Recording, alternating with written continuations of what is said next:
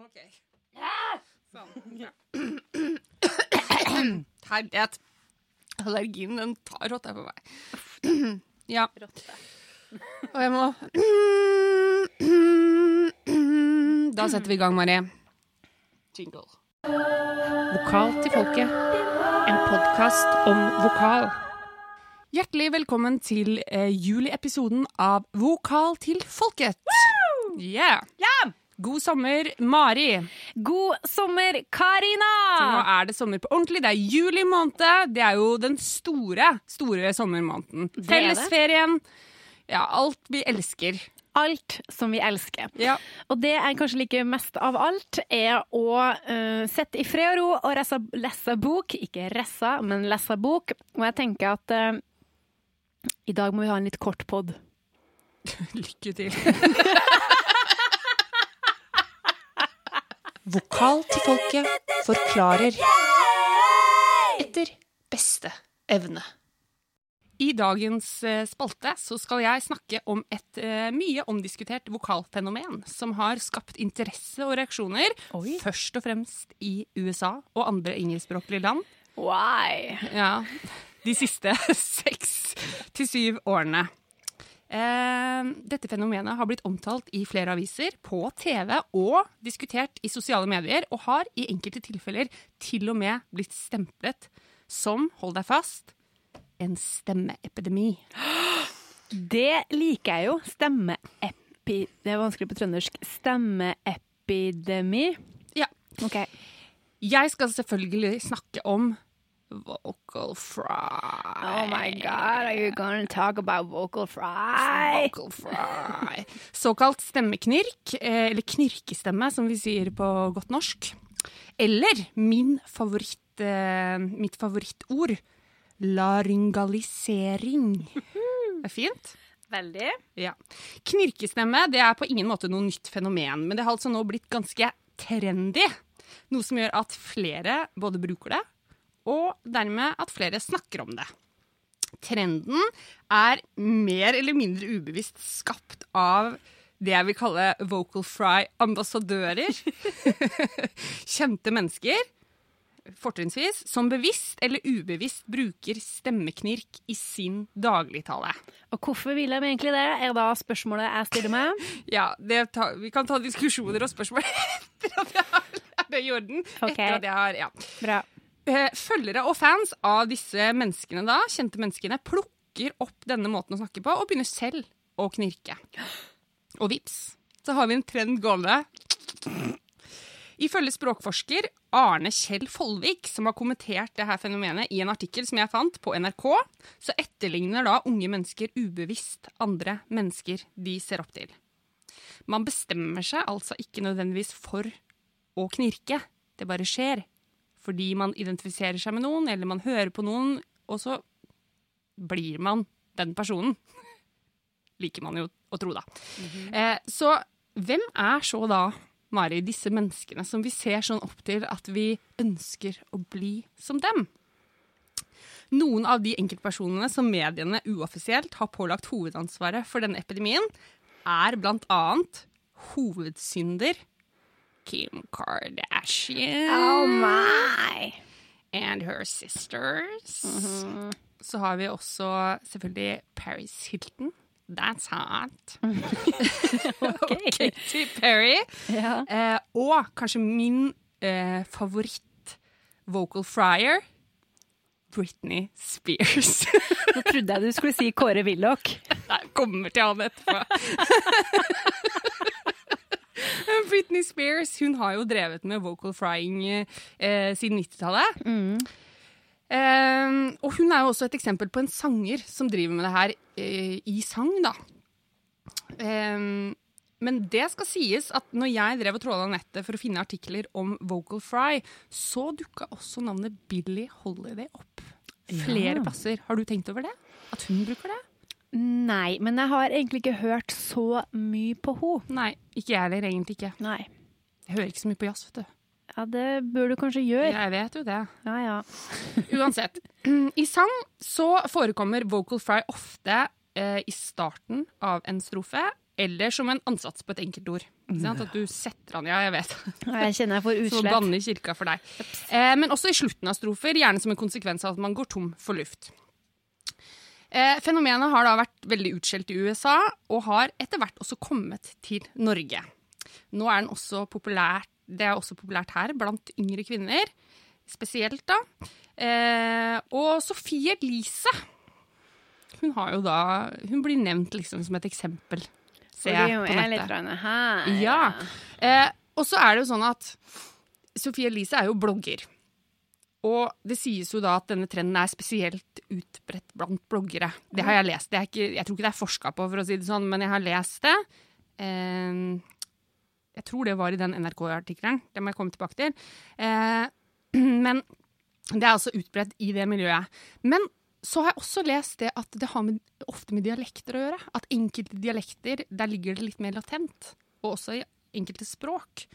Og no, enkelte nordnorske dialekter er vi spesielt eh, ikke utsatt, men altså har knirk liksom i seg, da. Ja. Naturlig. Og da lurer jeg på, er det sånn at Sofie Elise knirker eh, fordi hun er blogger? Og fordi det er en trend, eller er det fordi at hun er fra Harstad? Altså, det her, nå lukter det doktorgrad! Ja, men Det synes jeg er interessant, for det kan jo hende at det er ikke sikkert det har noe med at hun er blogger å gjøre. det hele. Det kan hende det bare ligger veldig liksom, latent i dialekta. Og jeg tenkte at dette må jeg finne litt ut av, så jeg gikk inn på YouTube og googla fram en sånn lokal TV-greie, vet du. Ja. Um, fant en sånn utgående reporter som var ute på Jeg tror hun var på en videregående skole i Harstad, for å sjekke litt hva som mangla i Harstad for å, for å liksom få byen opp i svingen. Uh, Og intervjua masse videregående eh, elever. Uh, og da det dukka opp litt vocal fry her og der, men selvfølgelig, i og med at det er unge mennesker, så er det litt vanskelig for meg å si om det da er fordi at det ligger i dialektene, eller kanskje liksom trenden har nådd Harstad, og unge Ja. mennesker bare Det er litt vanskelig, da. Så jeg har ikke noe svar på det. Så hvis det er noen fra Harstad som hører på, eh, rop gjerne ut. Ligger det latent i dialekten? Og vi er også interessert i å høre fra andre som eh, har dialekter hvor vocal fry forekommer. Som Ja. føler at de på en måte naturlig havner i fry.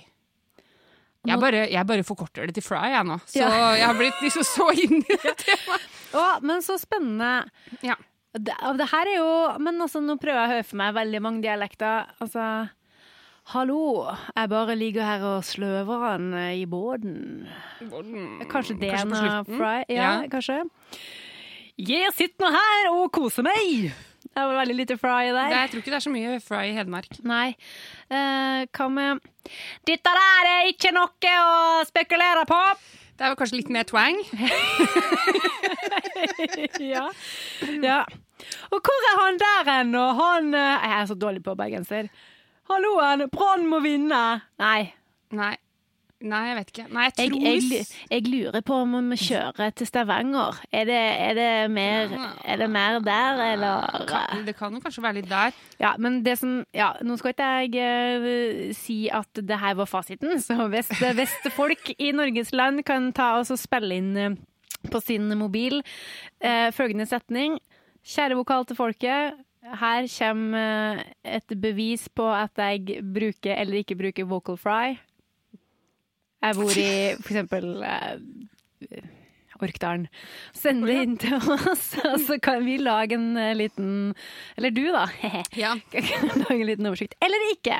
Selv om dette fenomenet da først og fremst er utbredt blant unge kvinner, så skal det jo sies at vi også har hatt menn i dette landet som har vært flittige brukere av stemmeknirk. Og da kommer vi inn på det eksempelet som du eh, nevnte i stad, Marie, nemlig Kåre Willoch. Selveste. Som er jo et veldig godt eksempel på mm. mann som er litt ekstra glad i knirk. Ja. Det jeg syns er mest spennende med Vocal Fry, det er eh, utviklingen av samfunnets syn på fenomenet, Mari. Fordi Oi. jeg har lest mange artikler nå. ehm, og flere av de eldre artiklene forteller hvordan den stemmen her bør unngås dersom man ikke ønsker å fremstå som mindre intelligent og useriøs. Så det vil altså si no go for eh, vocal fry. Mens nyere artikler beskriver nå bruker jeg det fine ordet, laryngalisering, som en måte å signalisere at man har kontroll. at man vet hva man driver med. Jeg har også lest flere steder at vocal fry ofte blir brukt som effekt for å nedtone skryt. At du liksom, Hvis du skal snakke om noe liksom kult du har gjort, så det var sånn der, Jeg vet ikke, jeg har ikke noe kult. Jo, men- du har gjort kjempemye kult! Jeg vet ikke hva det skulle vært, men Dikt opp. Å, nei. Jeg har sommerferie. Jeg er ikke på jobb nå. Jeg orker Nei, ikke. Ja, I hvert fall så skal du liksom Ja, du vet det var litt sånn Så skal du liksom Ja. ned, dysse den ned, da. Ja, nei, med altså, vocal fry. vi, vi kjøpte jo en Tesla, da. Det var ikke noe altså, Vi kunne ha sikkert kjøpt noe annet, men det var liksom ja. Eh, og dette er noe den danske retorikkforskeren Thea Seier, jeg tror det er sånn det uttales, hun snakker om dette i den der NRK-artikkelen som jeg refererte til i stad. Hun sier følgende. Vi har begynt å merke den, altså knirken, hos universitetskvinner. Den symboliserer i dag også den uformelle, urbane, velutdannede og tilbakelente kvinne. En som har god utdannelse uten å være en streber. Så sånn har det altså blitt. Så vi går fra, i løpet av liksom seks-sju år, så går vi fra at det er, dette her er tegn på at folk er uintelligente, hvis du bruker denne formen for eh, vokalisering, eh, til at fy flate, hun her vet hva hun driver med. Eller han, da. Eh, vi kommer til å legge ut en video fra 2014 på hjemmesida vår og på Facebook, der denne Thea eh, snakker om dette fenomenet med en annen eh, dame som heter Sara Gryholt Rasmussen. De er danske begge to. Kule damer. Eh, Sara er cand.mag. i audiologopedi. Logopedi.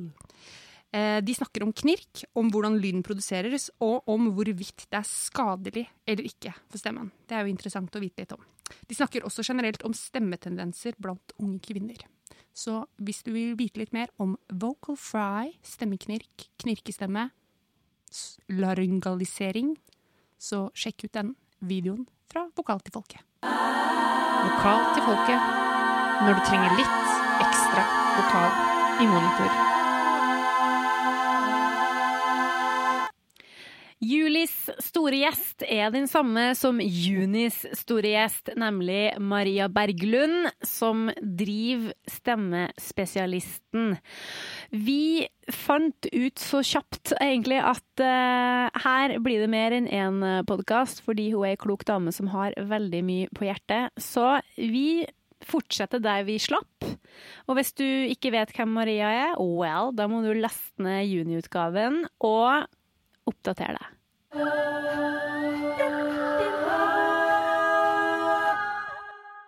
eh, Maria Berglund, du har jo da mastergrad i klassisk utøvende sang, og du har jo reist, om ikke verden rundt, så Norge rundt, med, med egne produksjoner og, og alskens, og du har jo en faglærerutdanning, så du er jo pedagog, og livet er jo en dans på roser.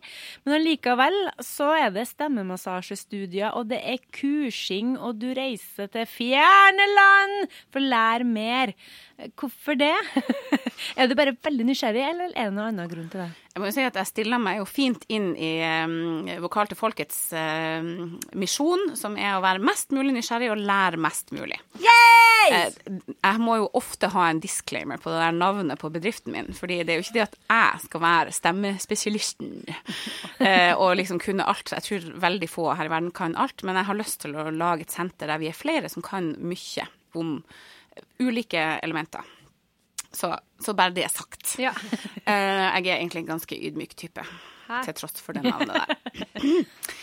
Men eh, jeg har jo hatt eh, en reise som har vært full av turbulens, skal vi si det? Ja. ja. Og jeg møtte en dame som heter Susanna Eken.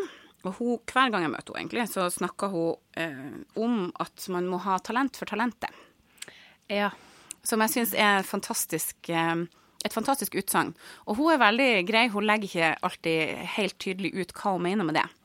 Noen ganger så reflekterer det til at man må være smart nok til å forvalte de gavene man har fått, at man trener på riktig måte og eh, velger repertoaret sitt riktig osv. Absolutt. Men for meg så ble den setninga en sånn her temperaturmåler. Hva er det slags talenter du egentlig har, frøken? Um, og jeg tror at det jeg driver med nå, gjenspeila mine talenter bedre enn om jeg hadde pusha og pusha og pusha for å bli operasanger. For det er bare én side av hvem jeg er og har vært. Eh, dette med den omsorgen for folk og eh, å vite hvordan, hvor man skal trykke og hva man skal be om for å få fram det beste i folk. Jeg tror det er en større del. Det tar med mye mer av hvem jeg er. Eh, men selvfølgelig, operasangeren hun bor jo her i beste velgående, mer eller mindre. Men jeg gjør ikke så mye for å, for å være operasanger nå til dags. Og det kommer av at jeg gjorde en, eh, jeg gjorde en prioritering i 2015. Da var det to år siden jeg var ferdig på mastergraden.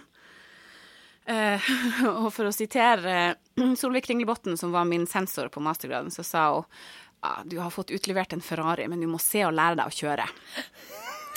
Og det er jo en melding å få. Det er jo en melding å få rett etter mastereksamen. Du har studert i seks år, og eh, du kan fremdeles ikke kjøre bilen din. What? Men jeg visste jo det her på forhånd. Heldigvis så hadde jeg jo møtt både Susanna Eken og Randi Stene før, så jeg hadde en, en idé om at noe her er ikke i riktig gir. Eller det det er feil karosseri til denne motoren, eller what not. Det er mange bilmetaforer her. Jeg kan ikke kjøre bil, så det er veldig morsomt at jeg driver med det. Men, eh, men ja, jeg, jeg, tok det på høyeste alvor. Du må lære deg å kjøre. OK. Så hvor skal man lære det hvis man ikke har lært det på Norges musikkhøgskole?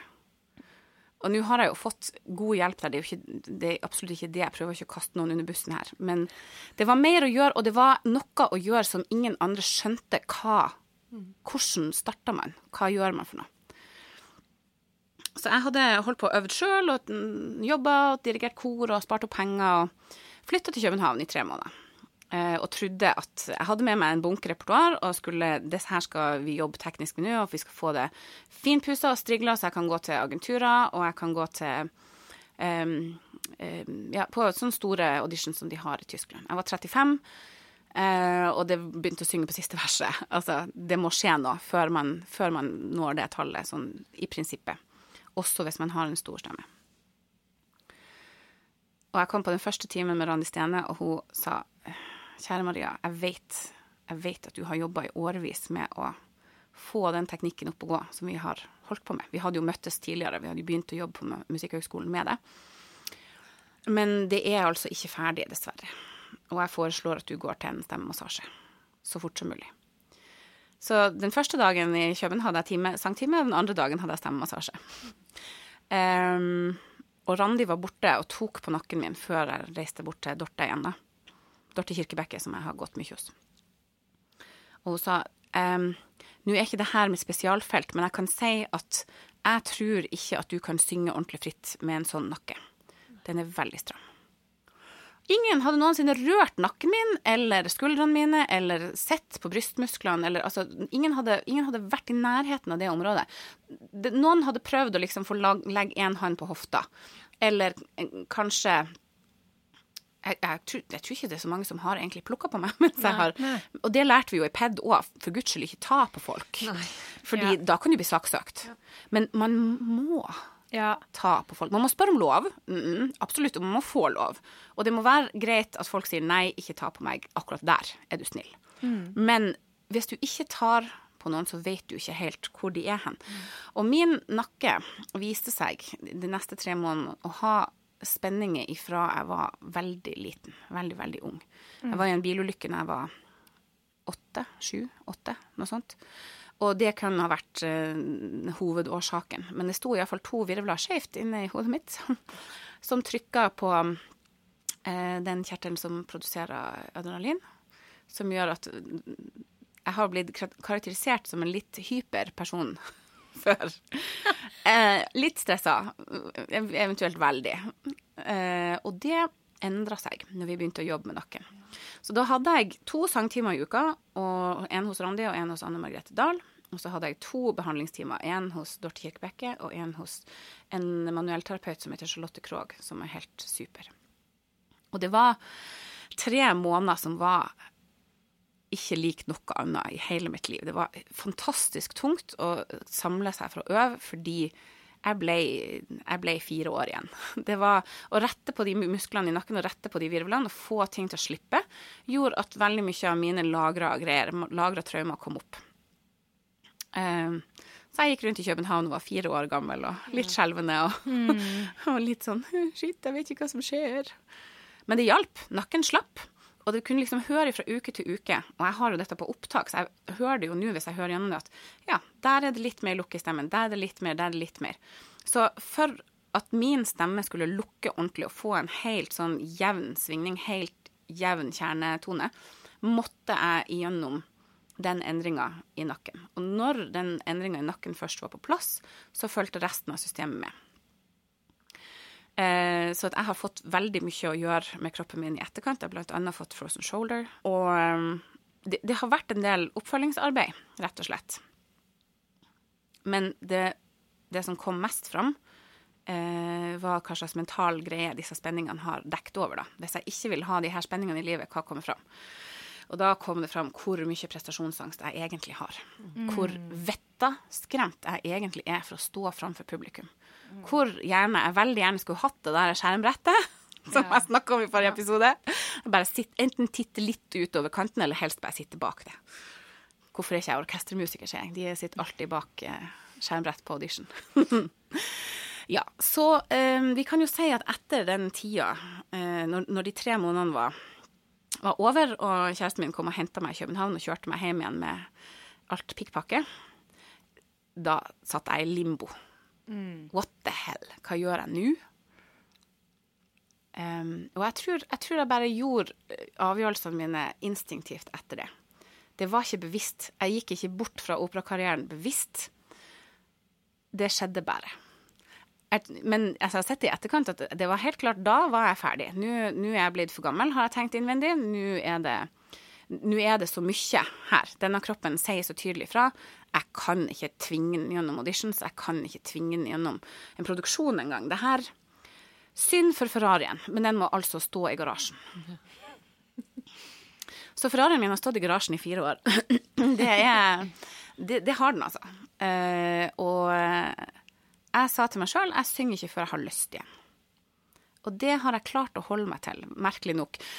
Jeg skulle ikke tro at det var så vanskelig å la være å gjøre ting du ikke har lyst til. Men altså, det er veldig lett å si ja. Det er veldig lett å uh, Det kan være tungt å si nei, og, og hindre uh, ting som ser veldig flott ut på papiret, men som du vet blir tungt å ta seg gjennom. Mm. Så jeg har sunget litt her og der, ting som jeg har kjent har vært overkommelig, både repertoarmessig og situasjonsmessig, hvor mye publikum er det, og hva slags situasjon er det men ellers vært veldig fornøyd med å ta karrieren min i en helt annen retning. Mm. Men jeg traff jo bakken eh, i fart da jeg kom hjem.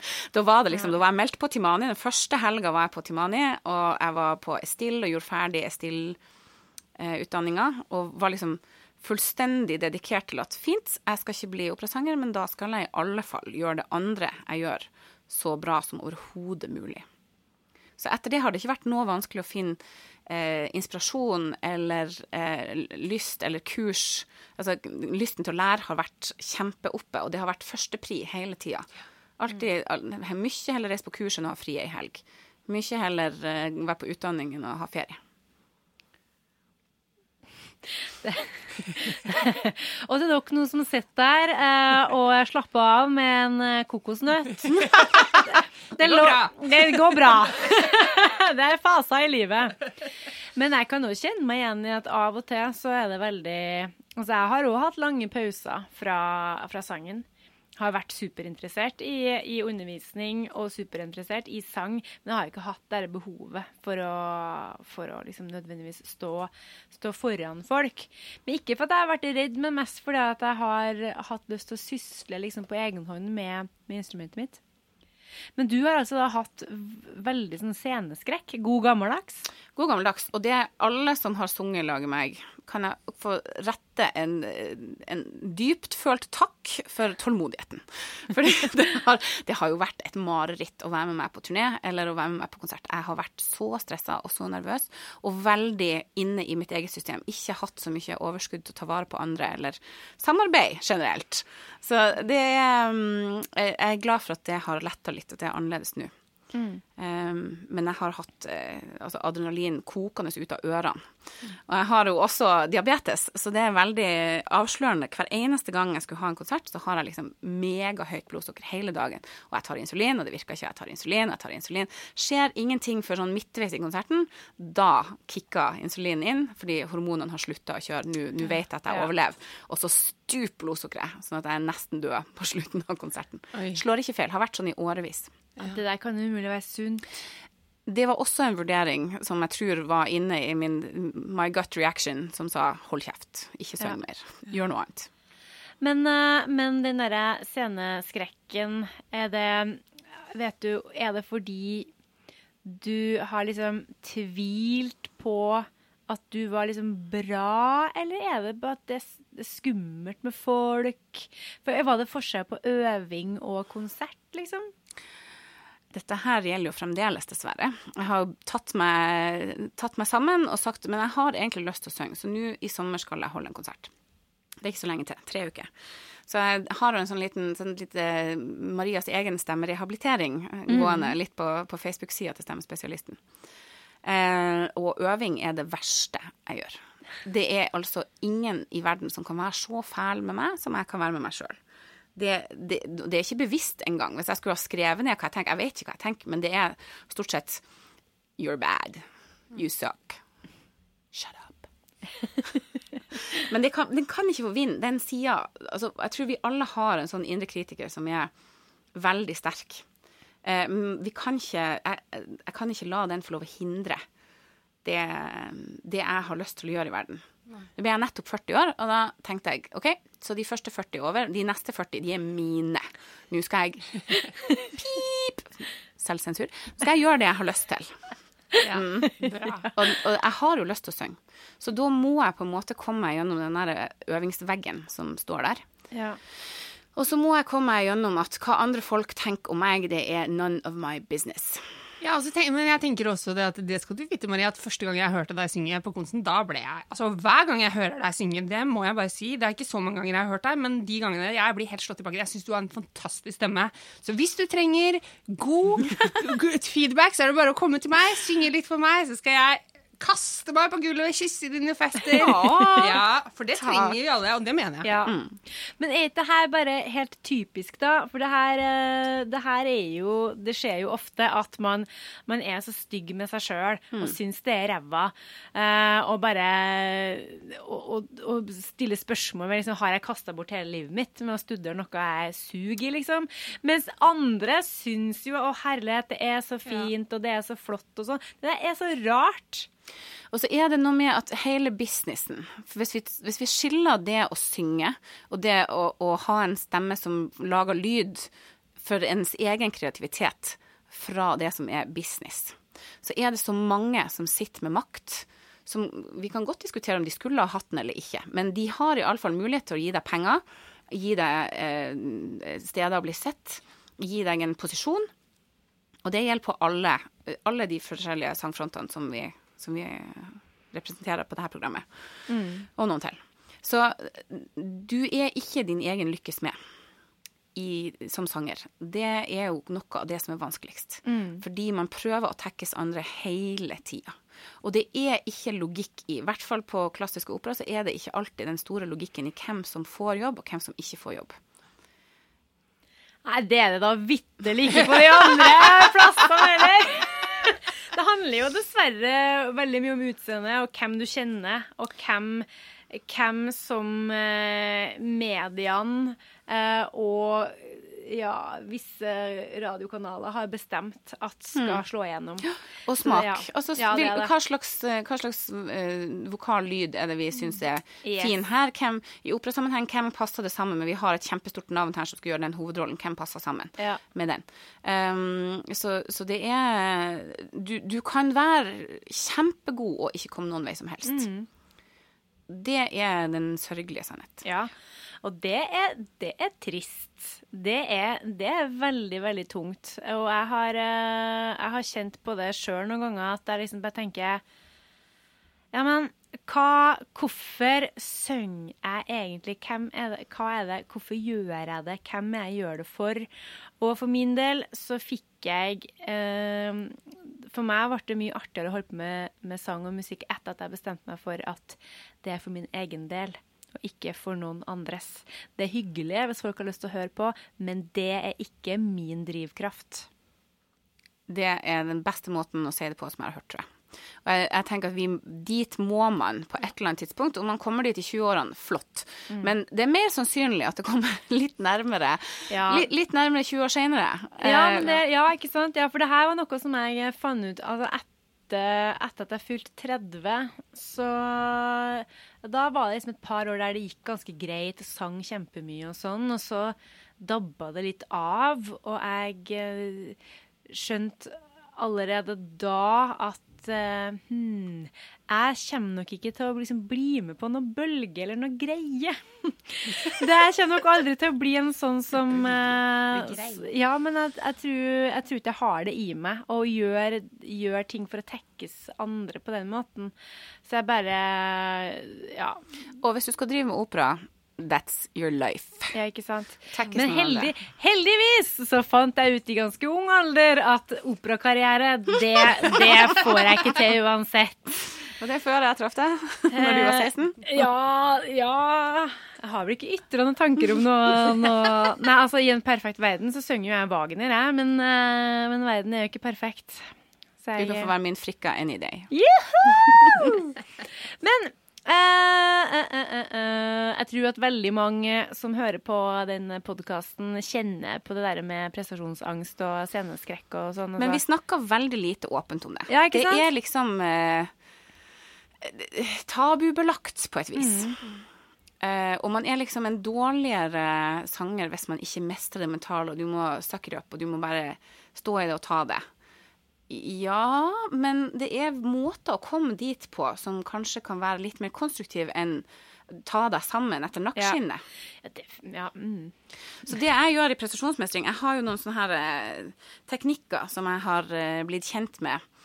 Em, delvis gjennom det lærerstudiet som Timani representerer. Da. For der, uh, der går vi gjennom mer enn 150 øvelser, for å si det sånn. Vi eh, blir også dugeliggjort som mennesker for å, å være mer på lag med andre mennesker, føler jeg. Det er, det er en slags sånn herre holdningsendring og en måte å se folk på som vi blir oppdratt til, eh, som er magisk.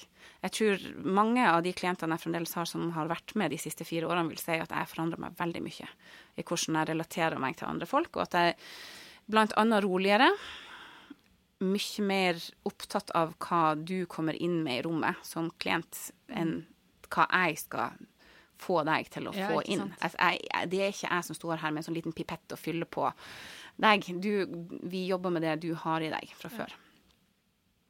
Um, og når det gjelder prestasjonsmestring, så er det um, Mye kan gjøres bare i møte med, med folk, at- folk føler seg sett, sånn som vi har snakka om. At, at vi er tydelige på at du er viktig. Og det du bringer med deg, det er godt nok. Og det tenker jeg at det er kanskje en sånn setning som jeg også kan si oftere. At ja, det er godt nok bevares. Det holder. Til det du skal gjøre i dag, så er det her veldig godt nok. Så vi må, være, vi må være villige til å være på vei mot noe bedre, men samtidig omfavne det vi har. Ja. Og der syns jeg også at jeg kan ha skorta litt i det ting man har hørt tidligere, at det, det er bare finished product som er verdt noe. Men det er verdt noe, det er der vi er også. Så når jeg jobber med noen som kommer inn spesifikt fordi jeg har så mye prestasjonsangst, eller jeg vet ikke hvorfor stemmen min ikke slipper ut, jeg føler at det er noe som holder den igjen, OK, da har vi Jeg har et kontor der du har et piano på den ene veggen og en massasjebenk på den andre veggen. Den tredje veggen er full av noter og bøker og tæsj, og så har du lenestol på den siste. Og da sitter gjerne folk i den lenestolen, og så eh, kan det sikkert føles som en start på en psykologtime, men jeg er ikke psykolog heller. Det er jo det er, Vi er nødt til å bruke det mer eller mindre utskjelte begrepet coaching om, om det som foregår. Det er coaching eh, i form av at jeg er egentlig ikke der. Maria står et annet sted i hjørnet, og eh, jeg er her for å være et empatisk, medfølende, medlevende menneske i det du holder på med. Jeg er til stede. Har, det er mitt nærvær som er der, men mine meninger er ikke her. Og så eh, er det flere forskjellige metoder man kan bruke for å liksom komme til bunns i når starta dette, den følelsen som du har nå. Hvor er den hen i kroppen? Um, ja. Det er en hel haug med ting, flere inngangsvinkler da, som kan hjelpe til å bli mer bevisst på hva er det egentlig som, eh, som, som styrer. Fordi eh, følelser er veldig enkelt sett bare signaler fra nervesystemet. Det er hjernen som kjører på. Eh, og hvis det er hjernen skjer, så kan det også eh, avhjelpes i hjernen. Da. Så mye handler om kropp, også i prestasjonsmestring. Så det er den, eh, den linken der mellom stemmemassasje, timani og prestasjonsmestring. Den er, det er ikke noe stort, langt sprang. Det er bare at da ligger du ikke og blir knadd på en benk, men vi, vi jobber, vi jobber nerve, ner- med nervesystemet ditt fra en, en mental vinkel. Da. Men det er like fullt hjernen din vi er ute etter å sette i frihet og få tilbake naturlige responser og bli kvitt fight flight. Se, Det er mye av det som vi også gjør på massasjen. på en måte. Ikke sant. Har du slitt noe med sånn eh, prestasjonsangst? Um, jeg var veldig nervøs, eh, husker jeg, når jeg gikk på videregående og sang. Så nervøs at jeg ikke spiste på en uke. Oi! Ja. Det var den, men det var Og det For meg så har det vært altså Det var problematisk da, men det som var flaks, var jo at det var få Det var lite synging.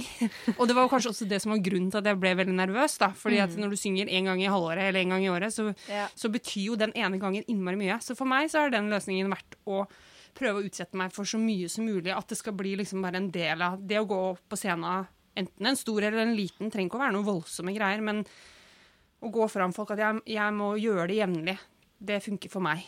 For at ikke jeg skal kjenne på prestasjonsangsten. Ikke sant. Og så er det jo litt sånn som jeg sier til meg sjøl og til studentene mine, at du må gjerne kjenne på den her kriblinga. Den vil vi jo ha. Ja, ja. For du har Altså, hvis du er litt sånn derre «Woo, All right, yes! Det er liksom Det er faktisk 32 personer der. Woo!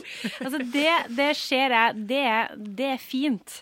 Det er det derre adrenalinrushet som er bra. Men hvis det blir sånn der at du kaster opp og ikke vil For det har jeg hatt noen ganger. Hvor jeg har bare tenkt at det går ikke. Jeg kan ikke. Vi må avlyse konserten. Det her går faktisk ikke an.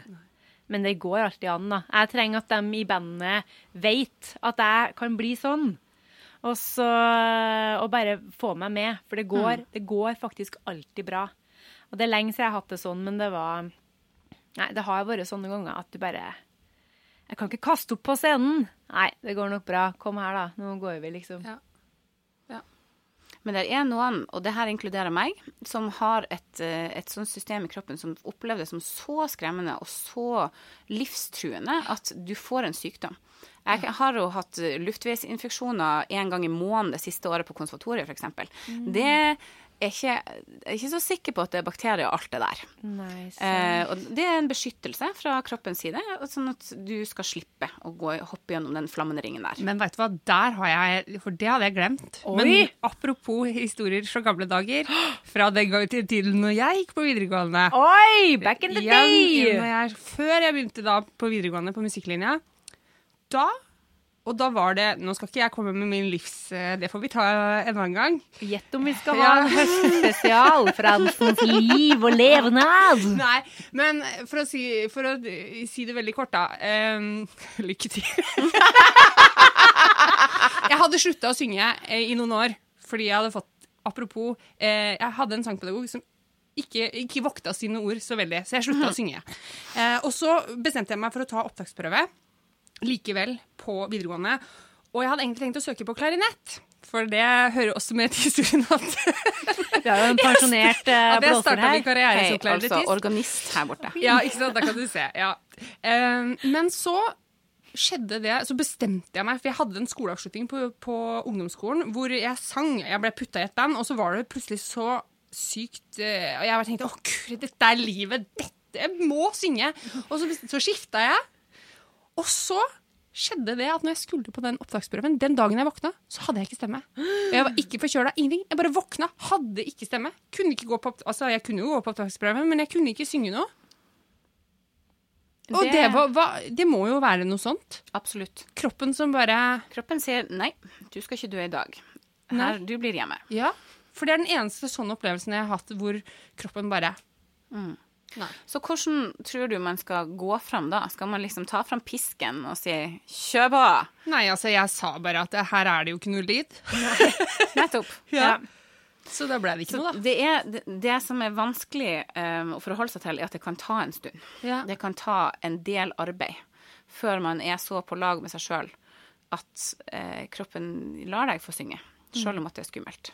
Eller lar deg, for skuespillere, jeg har en del skuespillere jeg jobber med, at du får ut all den lyden som du egentlig har tilgjengelig. Ja. Men det er mm, Det nytter i alle fall ikke særlig mye å bare suck it up og bli voksen og gjøre alt sjøl om at du er pissredd. Noen ganger er du hvis, hvis du er litt redd, eller medium redd, så kan du få det til på den måten. Hvis du er virkelig, virkelig redd og har angst Altså, vi har alle angst på et eller annet vis, men hvis du, har, hvis du kjenner at det, at det blir sånn at du merker at hendene skjelver eller det trykker i halsen, og sånn, da, da må man ta det saktere, snillere, mer omtenksomt med seg sjøl. Det trenger omtak. Man trenger å Det her sier jeg også som massør, at kroppen trenger å bli sett. Den, man trenger så, Som små barn det, Du trenger ikke alltid å si at du er så flink, eller du er Nei, fy, nå gjorde du noe galt. Du trenger å si 'jeg ser det'. Og det, sånn er kroppen også. Så mye av min jobb går ut på å se. Å se at OK, her, er det, her sitter egentlig en fireåring som ikke har Ikke vil spille for tante og onkel som er på besøk. Sant? Det, vi, vi, må forbi den, vi må forbi den erfaringen der du var fire år og du ble tvunget til å spille for tan- altså, Hypotetisk, for all del. Altså, been there, done that, for å si det Ja, ja. sånn. Så vi, vi er nødt til å deale med de erfaringene først, før vi kan tro Ja. at vi skal ut og Ja. synge for 16 000 etterpå. Ja, ikke sant. 16 Ja. 000, ja. Så da ikke ta mitt råd der, altså, med å utsette deg for det mest mulig.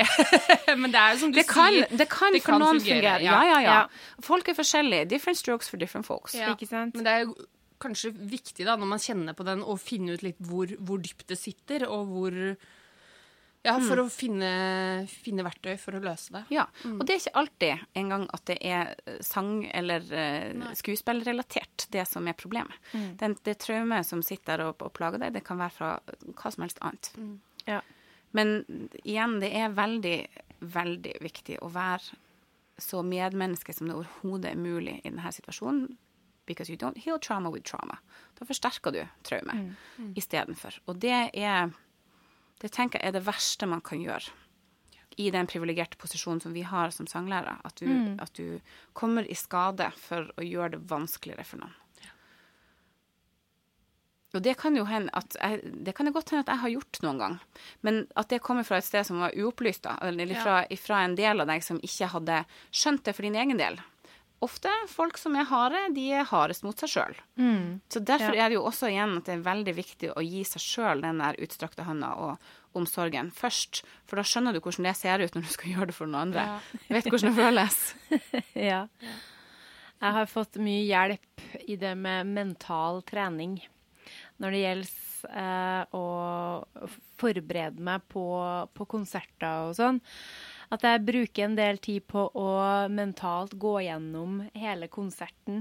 Overgang fra sang til sang, og ikke minst det jeg skal si mellom sangene. Ja. Der skriver jo jeg eh, manus. Eh, og det er etter inspirasjon fra Petter Northug. Fordi jeg så Det var når han hadde dette programmet sitt som heter Petter Northug eller noe sånt, som gikk i denne plassen, og da snakka han veldig om det å forberede seg da på det skiløpet du skal gå, ikke sant? Der er løypa. Og da tenkte jeg at OK. Det er ikke det at jeg ikke har fått talens gave, for jeg kan snakke eh, et døgn, jeg, altså. Men det er bare det at eh, noen ganger så trenger du egentlig bare å få sagt det som strengt tatt må sies. Og da husker jeg at jeg eh, skrev manus, da skulle jeg ha en konsert dagen etterpå. Skrev manus for hva jeg skulle si, eh, og så øvde jeg på det. For du kan ikke bare skrive det, du må jo øve på det. Eh, og jeg, eh, jeg skrev det til og med på dialekt. For det hender seg at hvis jeg skriver på bokmål og skal si det på trøndersk, så blir det veldig, veldig rart. Så øvde og øvde og øvde på å si det. Og så til slutt så kunne jeg det jo godt nok at når jeg kom til konsertene, da, altså dagen etterpå, så ble nok det for publikum. De opplevde det som veldig naturlig. Mens gutta i bandet bare Du, i dag var du veldig god mellom de sangene. Det var ikke så mye pjatt om hva du gjorde i går og sånn. Så det er fordi at jeg bare har forberedt meg like mye som jeg har forberedt meg på at jeg skal synge den og den sangen. Og det der har jeg fortsatt med. Så jeg gjør eh, Det må jeg gjøre. Og så selvfølgelig, hvis du kjører, hvis du skal på turné da, og kjører samme konserten 30 ganger, så vil det jo løse seg litt opp. Men da har du der, grunntonen i det du skal si. Der, eh, kanskje jeg skal ta et blad ut av din bok, rett og slett. Ja, Fordi jeg er jo veldig skravlete. Ja, men altså, vi som sitter i det rommet her, vi er jo skravlete folk. Ja, altså, vi, eh, vi kan å snakke, vi, og det er jo kjempebra. Men, eh, men av og til så snakker man seg jo vekk, og så blir det sånn der All right! At det blir sånn når man blir DJ på slutten, liksom. Og bare Er det liv? Ja da, jeg kjenner meg igjen. Ja. Nei, men så det har hjulpet meg veldig mye. Eh, og bare gå gjennom det. Ja, og den visualiseringa du gjør Ja. der, det er jo en teknikk som er utrolig nyttig. At, også det med å se det for seg i en positiv kontekst, for vi er kjempegode sånn helt instinktivt på å se worst case scenario, der glemmer Ja. teksten, og der og så, og så graver man seg ned i en sånn frykt for at alt skal gå til skogs. Ja. Isteden så kan man jo bruke den tida på å se for seg at det går fint. Ja. Det er et godt poeng. Og, og virkelig male det ut så at det går best mulig. ja, ikke sant? platekontrakten står klar i døra. liksom. det, why not?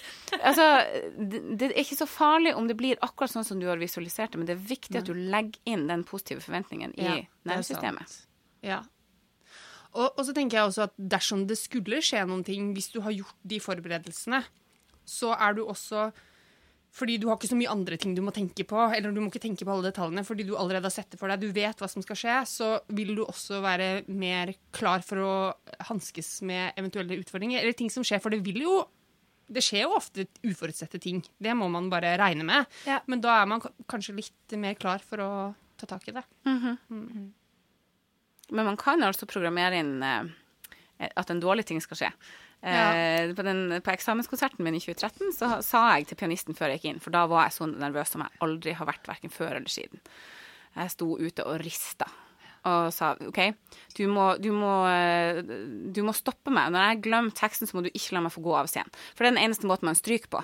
Eh, på Musikkhøgskolen så du, du, du skal bare stå eller, eller stryke, og den eneste måten du stryker på, er å gå av og ikke, Ja. ikke fullføre. Iallfall si gamle jungelord at det er sånn det er. Eh, så jeg klarte å glemme teksten på den sangen jeg kunne best av alle. Den hadde Ja. sunget i ti år. Der stoppa jeg. Jeg bare File not found. Why? Men det gikk jo bra. Det var jo bare å gå bort til pianisten, så starta vi på nytt. Og så, Ja. så funka det jo. Ja. Det er, men da, fordi jeg var så oppsatt på at det kommer til å skje, Ja. så skjedde det. ja. På et sted det virkelig, virkelig, virkelig ikke hadde trengt å skje. Nei, ikke sant. OK, Maria. Vi har snakka en del om, eh, om eh, mental trening og visualisering eh, nå, da. Men jeg regner med at du har, du har flere teknikker på lur? Jo da, det fins jo. Um, og de, de går under termen coaching, så at vi kan ikke påstå, kan ikke si at det her gjør sånn og sånn. Det er ikke traumebehandling, det er ikke sånn. Men det, det ligner. Det er i slekt med Flere av disse her teknikkene er i slekt med ehm, metoder som folk studerer i, i psykiatri og, og på psykologstudiet. Um, det er en som heter Brainspotting, som jeg skal på kurs nå i helga, faktisk. På um, neste level. Brainspotting. Ja, høres ikke det litt questionable ut? Ja, jeg er veldig spent på hva det er. Det, det, jeg syns at kanskje navnet litt sånn minner litt om trainspotting. Men Ja, det, det er det som er greia her, ja. Nei da. Brainspotting det, det er avleda av en eh, terapiform som heter EMDR. Eh, og det er den der når man, når man jobber med, med et traume, så ser du at fingrene til terapeuten går fram og tilbake. Så følger man med øynene de fingrene som går der. Den har vært brukt i sånn 60, 60 år eller noe sånt. Med gode resultater. Veldig god traumebehandling. Eh, veldig anerkjent. Men det er en som jobber med det her eh, for Er det 20 år siden, kanskje? Som heter David Grand. Som eh, oppdaga Han jobba med en, ei, ei som gikk på skøyter, eh, og som hadde et fall. Det var en, en, et hopp hun ikke fikk til. Eh, og så så han når han holdt på med fingrene fram og tilbake, at hun eh, stoppa. Hun, hun fikk sånn blinking. og Frøs fast, på en måte. Og så begynte han instinktivt bare å se hva skjer hvis jeg holder fingeren akkurat der. Sånn at, hun er nødt til å se på fingeren min der. Og da fikk hun, fikk hun masse sånne refleksive bevegelser i ansiktet. Eller blunking. Altså nøyaktig hva som skjedde med henne, det vet jeg ikke. Men du kan se det på utsida at nå fyrer nervesystemet. Nå er det noe som eh, som skjer inni hjernen. For vi tror jo at øynene er et eget organ. Ja, OK. På en måte kan vi si det. På en annen måte så er de i høyeste grad en del av hjernen. De er linka rett inn til eh, den eh, dypeste, mest primitive delen av hjernen, det vi kaller reptilhjernen. Der ligger der eh, en struktur som heter amygdala, og der kjøres det på. Hvis at du er under press og det er krise, eller du er i livsfare, så er det hormoner som dannes, og kroppen aktiveres til å, til å stikke av. Um, så brainspotting uh, henvender seg til der det her minnet er lagra. Og går Når du stirrer på det punktet, eller du har blikket festa der som uh, det, Til det området som er knytta til det her minnet, så løses eh, det traumet opp på et vis. Det er en, det er en slags innkapsla eh, sett med enzymer og hormoner og litt sånn forskjellig, som, eh, som løses opp, og så mister du den kroppslige responsen på det som setter deg ut. Eh, det her er, det er kjempeinteressant. Foreløpig er det eh, også, som sagt, vi trenger å studere mer. Det trengs å, å ratifiseres og liksom settes inn i en scientific context. men, eh, men det er ingen tvil om at det skjer noe under brainspotting. Um, og det er alle mulige slags ting, altså, som, som eh, kan ha lagd en sperre for um,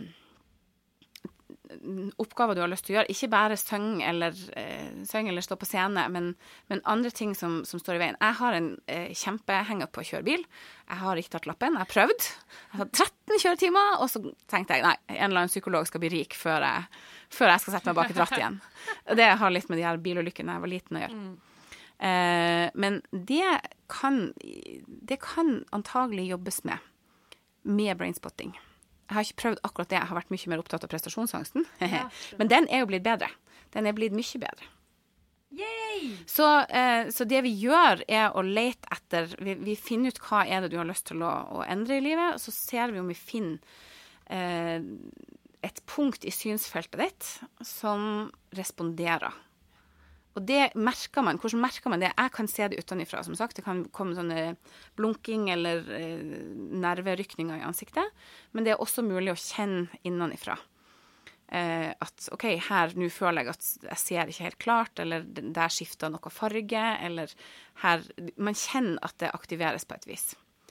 Og det høres veldig mystisk ut, og litt sånn her også det med at det ikke er eh, At det ikke er liksom inne i den offisielle psykiatriverdenen er, kan man godt være skeptisk til, men det er i kjøm, da.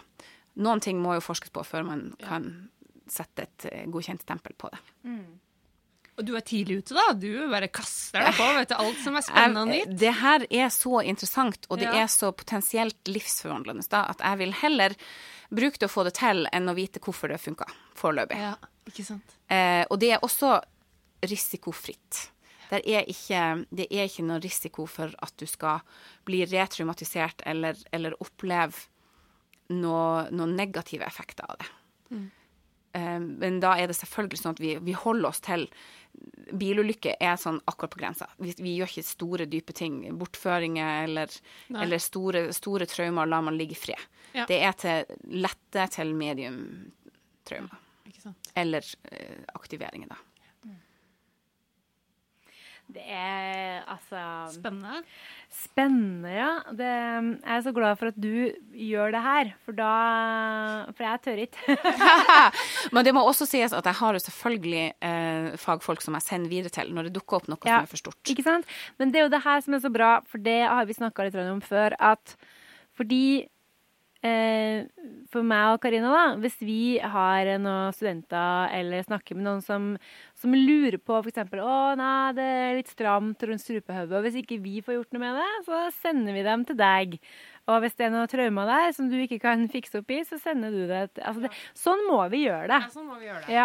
Folk har hver sine fagfelt, og det er jo også noe som jeg tenker er viktig, at man skal ikke være Det skal ikke være sånn at jeg skal kunne alt. Jeg skal ha en oversikt, så skal jeg ha en fordypning på noe, Ja. og så skal resten fordeles. Ikke sant? Det er også hele ideen til stemmespesialisten, at jeg skal ha veldig tett kontakt med folk som jeg kan sende videre til. Ja. Det Og det er, det er det eneste profesjonelle.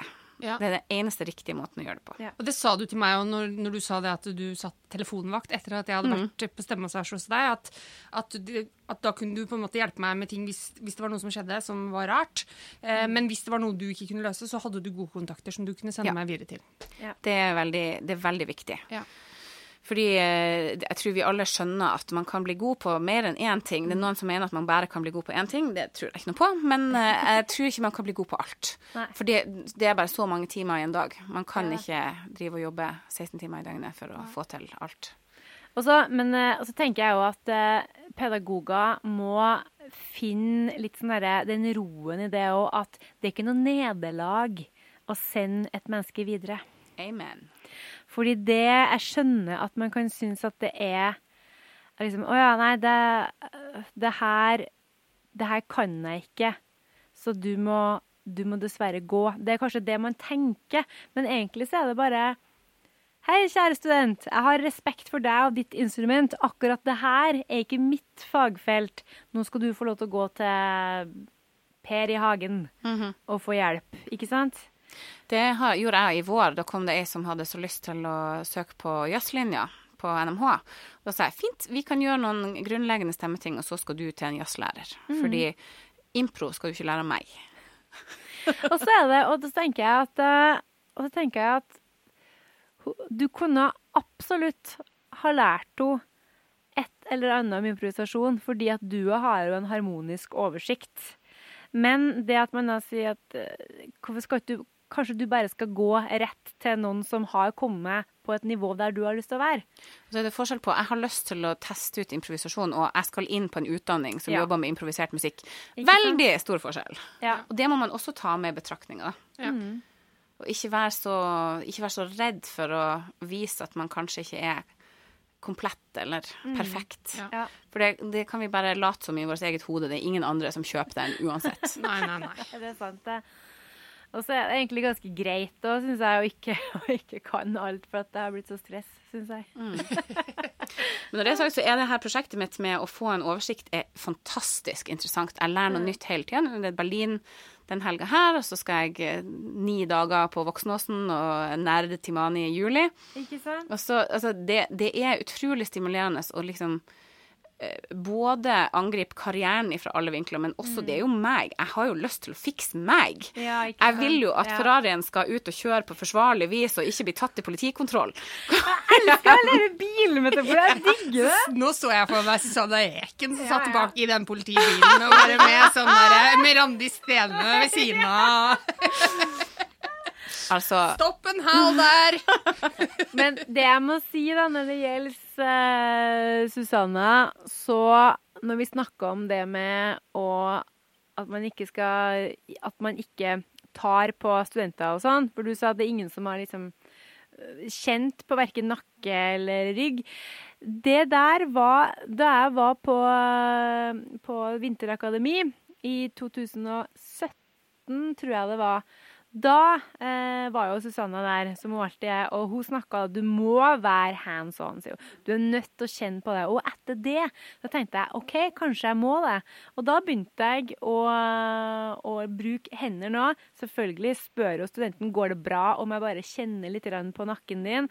Går det bra om jeg eh, får bare kjenne litt på, på ryggen, ikke sant? Og det det har gjort underverker for de studentene mine, og jeg føler også at jeg er en mye bedre pedagog etter at jeg liksom er litt mer involvert i det som faktisk skjer. For det er litt komplisert med sang. Det skjer så mye på innsida. For det handler jo ikke bare om liksom, ha, den tonen.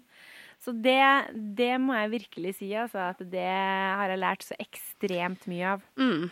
Og det er Jeg tenker som så at uh, det er viktig å ha en stor verktøykasse med mange forskjellige verktøy, mange forskjellige måter å si ting på, mange forskjellige analysebriller.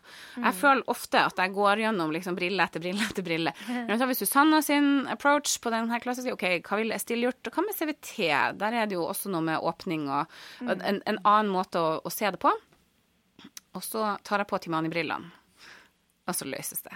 Ja.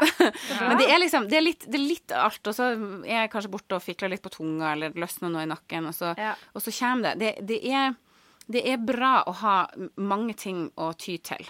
Mm. Og jeg tror det er viktig å ha mange ting å ty til, at man ikke blir så dogmatisk at det er bare eh, ett sett med verktøy. Vi må ha mer enn en skrutrekker med tre hoder. Vi må ha en hammer og en sag og litt forskjellig, tenker jeg. Mm. Mm. Men eh, no, jeg, jeg, har lyst til å spørre deg, fordi nå har du jo så mye utdanning, du har så mye erfaring, og innenfor mange felt. Og jeg skjønner jo at det er ikke én, eh, skole eller metode som, som nødvendig Eller du kombinerer. Men, men, er det noe som du liksom virkelig føler at det her Av det du har lært, altså de skolene og mm. Uten at du skal på en måte du sier jo at Timani er eh, Du føler at det gjør svungen? Jeg føler at Timani er det alle burde hatt. Det burde ja. vært i kulturskolen, det burde vært i videregående, det burde vært på høyskoler og universitet. Ja. Punktum. Fordi det er, et, det er verktøy som eh, som gjør at du forstår deg sjøl. Ja. Og det syns jeg alltid mangla når jeg eh, begynte på, på, utdanning i Kristiansand og fortsatte Altså, hvorfor, hvorfor, finn, hvorfor vet jeg ikke forskjellen på dame- og herrestemmer, f.eks.? Hvorfor, hvorfor er det så mye eh, som, som, jeg ikke skjønner av det som foregår med, med tenåringer. Mm. Altså Mens jeg jobba som distriktsmusiker, da jeg samla opp en liste med spørsmål som jeg tror var 62 spørsmål lang. Og da skjønte jeg at OK, jeg skal ikke sitte her resten av livet, jeg er jo nødt til å finne svaret på de her spørsmålene. Og ja, der er svaret i STIL, ja, det er svaret i CVT. Absolutt. Mange utropstegn med ja der. Ja. Susanne har en haug med svar. Som logoped, stemmemassasje, ja. Men Timani gjør noe med din forståelse av ditt instrument. Også for de som spiller noe annet. De som spiller piano og synger, f.eks. Det fins jo folk som gjerne har noen ekstra utfordringer der. Så den, den følsomheten du øver opp overfor din egen kropp, og den, eh, den kvalitative bevegelseskunnskapen, at du, at du bestemmer hvor mye du skal være inne, hvor mye skal du gå ut av nesten en bestemt muskelgruppe, liksom. Det er Jeg mener at Timani kommer til å redde mange karrierer og bygge opp en ny generasjon med musikere. Om det skjer nå, eller om det skjer om 20 år. Jeg ville sagt at nå var bedre. fordi, fordi vi, vi, Jeg mener jo da at kunst og sang og musikk er så viktig at vi kan ikke ta det ut av noen læreplaner. Vi må la, ta inn mer. Fordi det utvikler mennesker. Og å utvikle mennesker til å bli sunne og sterke og bevegelige og friske og leve lange, gode liv, det trenger vi òg. Så det, det, helseaspektet som ligger der, er vel så viktig som det med friheten til å få det uttrykket du vil ha. Men det er det Timani egentlig står for. da, Få den, det uttrykket du vil ha, og beholde helsa mens du gjør det. Derfor må jeg si det. Ja. Godt svar. Godt svar. Jeg trenger å lære mer om Timani. Ja, det gjør jeg òg, merker jeg. Uh, og jeg blir jo veldig inspirert. Timani.no. Timani!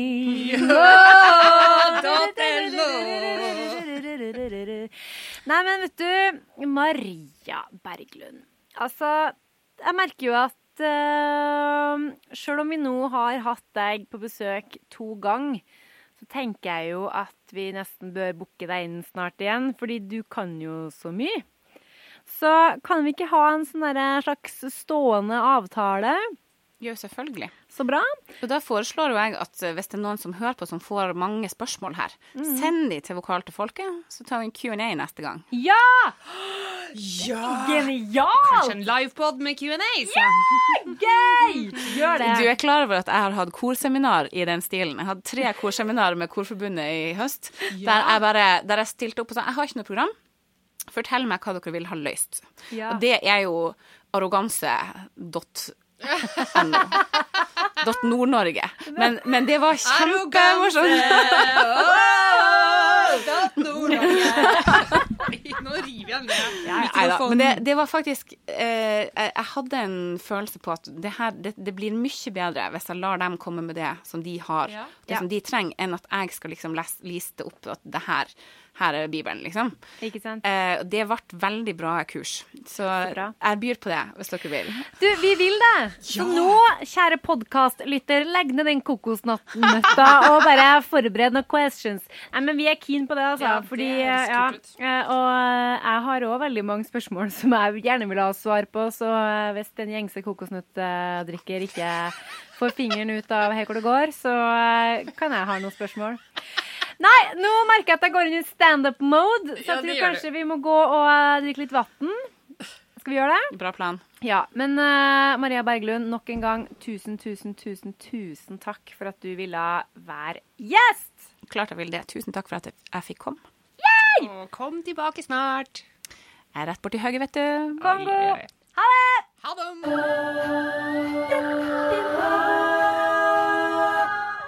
Da var del to av eh, vårt møte med Maria over. Det har vært eh, lærerikt det her, Mari. Absolutt. Masse forskjellig vi har snakka om. Og to Altså to, eller ett, da, men uh, to deler av et, en lang og god prat der vi har vært innom så utrolig mye forskjellig, både med det å være utøvende sanger, og det å være pedagog, og det å være nysgjerrig. Nettopp. Og så har vi på en måte I, den, i del én så var vi ganske sånn Vi snakka om små muskler og anatomi og veldig sånn supernerdete, eh, kroppslige, fysiologiske ting. Og så i del to så har vi snakka litt mer om eh, hodet og psyken og hvordan det spiller inn. Og det er også viktig å huske at det henger sammen, og at det påvirker hverandre. Ja, for vi er jo mer enn eh, et sett med, med stemmebånd. Du, ja, du er mer enn dine svelgsnørere. Her lukter det buttons lang vei. Nei, men det er viktig å huske på at eh, du som står der som sanger eller pedagog, du er jo et helt menneske. Eh, og du kommer med, med din bagasje uansett hva som er oppi den, så har du med deg en sekk. Og det, sånn er det bare. Sånn er det bare. Oh yes. Det var veldig fint sagt, Mari. Takk! I dag skal jeg anbefale en uh, musikalsk godbit, Oi, oi, oi, oi, oi. nemlig et album, et musikkalbum av den godeste Frank Sinatra. Oi. Ja da, det her er ei av mine favorittplater med han. Og den hører vi på eh, i min husstand når det er helg. Når, eh, når det forberedes eh, lørdags- og søndagsfrokost, så pleier jeg å sette på den plata der, for da blir det god stemning. Oi. Og det er en plat som kom i 1958. Den heter Come Fly With Me. Og den har altså så mange godbiter. For eksempel da låta Come Fly With Me, som er helt strålende. Du har òg April in Paris, Moonlight in Vermont, og så har du Brasil. Og veldig mye andre sanger. Det er en sånn en plat som tar for seg det å være på reise, eller være forskjellige plasser. Eh, jeg vet ikke helt om det var tenkt at det skulle være et konseptalbum, men for meg så er det her ei eh, plate som selvfølgelig kan høres på gjennom hele året, men spesielt om sommeren, når du trenger litt sånn derre Når du trenger Frank.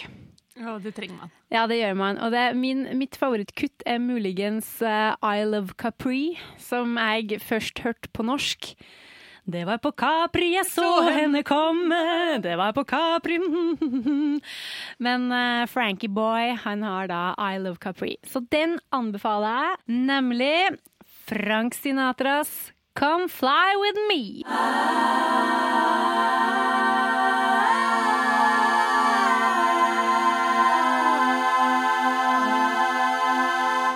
Da har vi kommet eh, til eh, veis ende, eh, Mari. Dette Ja. var på en måte siste sommerpod. Mhm. For eh, neste måned så er det august. Det er jo en sommermåned, det òg. Men da, er vi liksom, da begynner vi på jobb igjen. Ja, da er vi nok i, i arbeidsmodus. Vil nok tro det, gitt. Ja. Den tid, den sorg. Den tid er den sorg. Husk å uh, følge oss på sosiale medier. Husk å rate oss Ja. på iTunes. Gi oss stjerner. Stjerneskinn. Oi! Ja. Tusen takk for den eh, Vær så god. jingle, jinglen der. Ja. Ja. um, Instagram. Instagram. Gøy. Veldig gøy. Og hjemmesida vår. Jeg håper at dere har fulgt den, altså, fordi der har vi lagt ut så mye gøye ting gjennom hele sommeren. Så husk at der har du kilde til informasjon. Nettopp. OK. Tusen takk for uh, trivelig, trivelig episode, da, Mari. Null problem, kjære. Ses vi Vi ses. Vi kan ikke slutte Nei, vi-! Du, Karina Fransen, fortsatt god sommer. Snakkes da! Vi snakkes i august. Ha det! Ha det bra!